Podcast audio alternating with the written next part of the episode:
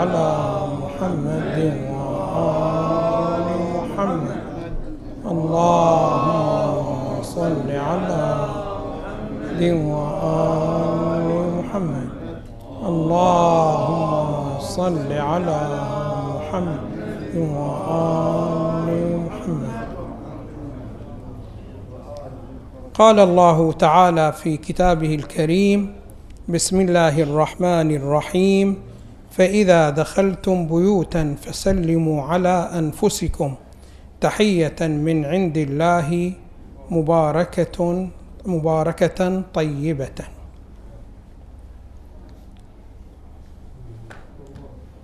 الوظائف الشرعية التي أوجبها الله سبحانه وتعالى على العبد لها صورة ولها روح. وعدم الالتفات إلى الروح معناه أن العمل الذي يأتي من الإنسان وإن اشتمل على صورة العمل إلا أنه ميت فلا فائدة فيه. سواء كانت هذه الوظيفة الشرعية وظيفة كبيرة أو وظيفة صغيرة. فمثلا عندنا كوظيفة صغيرة متعارف عليها وإن كانت هي عند الله كبيرة جدا جدا هي السلام. والوظيفة الكبيرة مثلا الحج. فكما أن السلام له صورة وله روح كذلك الحج له صورة وله روح. وعلى الإنسان في مقام ابتثال هكذا وظيفة شرعية عليه أن يراقب الصورة ويراقب الروح. فإنه إذا جاء بالعمل وهو مشتمل على الروح عند ذلك تحصل الفائدة. فهنا نحن نكرر السلام يوميا لا يعلم الله بمقداره إلا هو. فأنت كم شخص تلتقي به من الصباح إلى المساء؟ وكل من التقيت به تقول له السلام عليكم. وأيضا إذا جئت إلى الصلاة في كل صلاة الحد الأكثر هو شنو؟ ماذا؟ ثلاث مرات تسلم في كل فريضة. السلام عليك أيها النبي. السلام علينا وعلى عباد الله الصالحين. السلام عليكم ورحمة الله وبركاته. أقل مرة هو أن تقتصر فقط على الواجب وتأتي بالسلام عليكم ورحمة الله وبركاته. ولعم الأغلب منكم يأتي بالسلامات الثلاثة.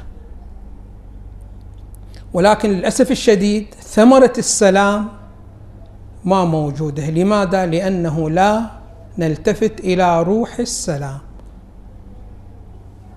السلام من الوظائف الشرعية المهمة جدا جدا. والسلام كما يبينه أهل التحقيق مشتمل على نحو نوع من المعاهدة ونوع من الاتفاق. وليس هو فقط مجرد لفظ. فأنا عندما أقول السلام عليكم في الواقع أنا أتعهد لك أن لا يصدر من طرفي ما يؤذيك فما أغتابك ولا أخونك في أمانة أو شنو أو في معاملة. فأنت تبادلني نفس الاتفاق وتقول وعليكم السلام. أي ومن طرفي أيضا لك لي أن لا أغتابك ولا أخونك في معاملة ولا أي شيء من الأشياء التي يمكن أن تكون مصدر لإيذائك أن أقوم بها. فانظروا الإنسان عندما يسلم هكذا سلام. فهل يجتمع هكذا سلام مع غيبة؟ ما يجتمع قطعا. ولا يجتمع مع أسرق أخي المؤمن. وما يجتمع مع خيانة أخي المؤمن. فعلينا شنو ماذا بهذه الصورة؟ أن نلتفت إلى روح الوظيفة الشرعية. شوفوا واحد من الإشكالات التي أشكلها اللادينيون في جماعة ما ينتمون إلى أي دين من الأديان. لا ينتمون إلى الإسلام ولا ينتمون إلى المسيحية ولا ينتمون إلى اليهودية ولا أي دين من الأديان ما يشجعون. فإذا قلت لهم لماذا ما تشجعون؟ يقول لك لأنه هذه الأديان ليس فيها فائدة. كل الأديان لا فائدة فيها. لماذا؟ يقولون لأنه إحنا الآن عندنا مجتمعات وعندنا دول وعندنا أفراد. ما يدعون أنهم منتمين لأي دين. تلاحظ عندهم مشاكل. ولكن الذين ينتمون إلى الأديان ليسوا بخالين من هكذا مشاكل. فلو كان الدين فيه فائدة وكان يحل المشاكل كما يدعي مثلا الدين الإسلامي بأنه يحل جميع المشاكل. فكيف نلاحظ نحن بأن هناك مشاكل جدا؟ شنو ماذا؟ كثيرة. فهذا إما أنه الدين يدعي ولكنه هو لا يحل المشاكل فقط دعوة أو لا شنو ماذا؟ أنتم لستم بمسلمين كما يريده الإسلام. وأنتم تدعون بأنه أنتم مسلمين. فعليه زهدوا في مطلق الأديان. قالوا الأديان ما فيها أي فائدة بدليل اننا نشاهد المجتمع الإسلامي إن كان على مستوى الفرد أو على مستوى المجتمع كله مبتلي بالمشاكل. فمثلا أنت عندك الآن مثلا في روسيا ما تدعي روسيا بأنها هي مسلمة؟ ولا تدعي بأن دستورها الإسلام ولا أنها تحكم على الإسلام. عندها مشاكل. يقول لك إذا جئنا إلى العالم الإسلامي الذي يدعون بأنه مسلمين ويحكمون بالإسلام نفس المشاكل التي يبتلي بها الشخص الروسي هو أيضا يبتلي بها الشخص الشرقي في الدول الإسلامية. فما هي فائدة الإسلام؟ فائدة ما موجودة. الجواب ما هو؟ الجواب بأنه لا الإسلام فيه فائدة ويحل جميع المشاكل. ولكن المشكلة من التزم بالإسلام؟ هنا السؤال. فالكثير الذي يصنف نفسه على الإسلام إنما هو فقط يعتني شنو ماذا بالقوالب ولا يعتني شنو ماذا بالروح. أما لو اعتنى بالروح لا تنحل كل المشاكل.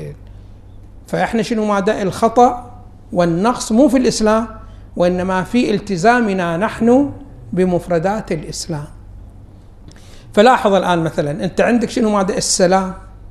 خب السلام هو اسم من أسماء الله سبحانه وتعالى. والسلام نسلم نحن على أنفسنا في الصلاة. السلام علينا. ونسلم على عباد الله الصالحين. ونسلم على الأنبياء. ونسلم على الأئمة. خب الآن شنو معنى السلام عندما تسلم على نفسك؟ هنا تعاهد نفسك أنك لا تأتي بما يمكن أن يكون مؤذي لنفسك. يعني ما تؤتي بأي عمل ليس بصالح. فإن دائما الأعمال الصالحة هي التي تسعد بها النفس. وأما الأعمال التي ليست بصالحة فإن النفس تتأذى بها وتتأذى منها. فأنت عندما تسلم على نفسك في الصلاة على نفسك في الصلاة معناه تعاهد نفسك أنك ما تأتي بأي فعل يمكن أن يؤذي نفسك. وعندما تسلم على عباد الله الصالحين يعني تلتزم لهم بأنه ما يأتي من طرفك أي شيء شنو ماذا يؤذيهم. وعندما تسلم على النبي صلى الله عليه وآله وآل بيته أيضا التزام منك أنك تلتزم بكل ما يوصي به رسول الله صلى الله عليه وآله لأنه يتأذى. يعني الإنسان الآن إذا خالف مخالفة شرعية يتأذى النبي صلى الله عليه وآله من أجل هذه المخالفة. فأنت ما في فائدة شنو ماذا تسلم عليه وأنت من ناحية ثانية شنو ماذا تؤذيه؟ هذا السلام يقولون كاذب.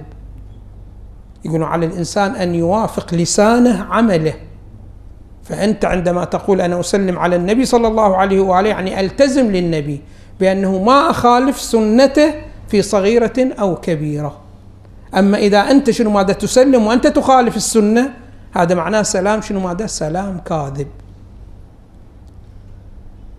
وعندما تسلم على الملائكة قال العلماء عندما تقول السلام عليكم ورحمة الله وبركاته. المخاطب هنا بالسلام من هم الملائكة؟ الحافين بك.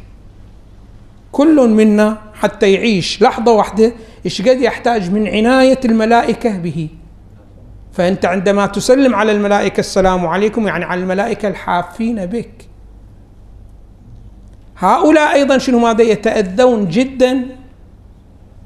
من أي أذية أنت تجعل نفسك شنو ماذا فيها؟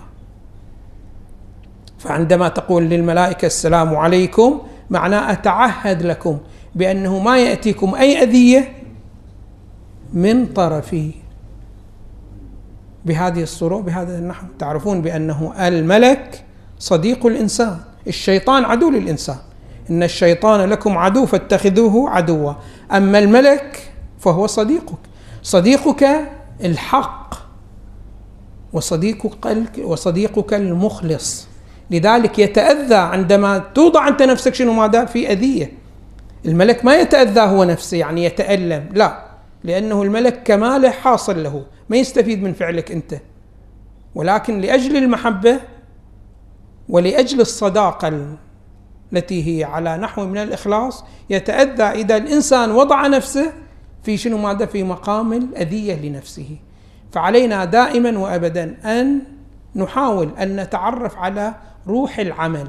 مو فقط شنو ماذا؟ صورة العمل. هاي صورة العمل إذا أنتم قرأتون في الرسالة العملية بأنه إذا جئت بصورة العمل خلاص أنت سجلت بأنك جئت بالعمل هذه يقولون شنو ماذا؟ حتى فقط تنجو من العقاب فقط. فما في الرسالة العملية فقط هو شنو ماذا؟ لإبراء الذمة. يعني لإبراء الذمة شنو ماذا؟ يعني ما تسجل مع المخالفين للأمر الشرعي. أما أنه هل تكتسب الكرامة الإلهية والقرب الإلهي؟ لا. الفقيه ما يقول لك هذا الأمر. يقول لك فقط إذا صليت هذه الصلاة بهذا النحو فلا يجب عليك الإعادة ولا يجب عليك القضاء. أما أن هذه الصلاة يقبلها الله سبحانه وتعالى وتفوز أنت بدرجة القرب من الله سبحانه وتعالى تلك مسألة أخرى. تلك مرتبطة بماذا؟ بالاعتناء بالروح فعلى الإنسان دائما وأبدا مو فقط يكون حرصك على أداء صورة العمل بل كما يكون حرصك على أداء صورة العمل عليك أن تحرص أيضا على ماذا؟ على تحقيق روح العمل وتلتفت لها غفر الله لي ولكم والحمد لله رب العالمين وصلى الله على محمد وآله الطيبين الطاهرين اللهم صل على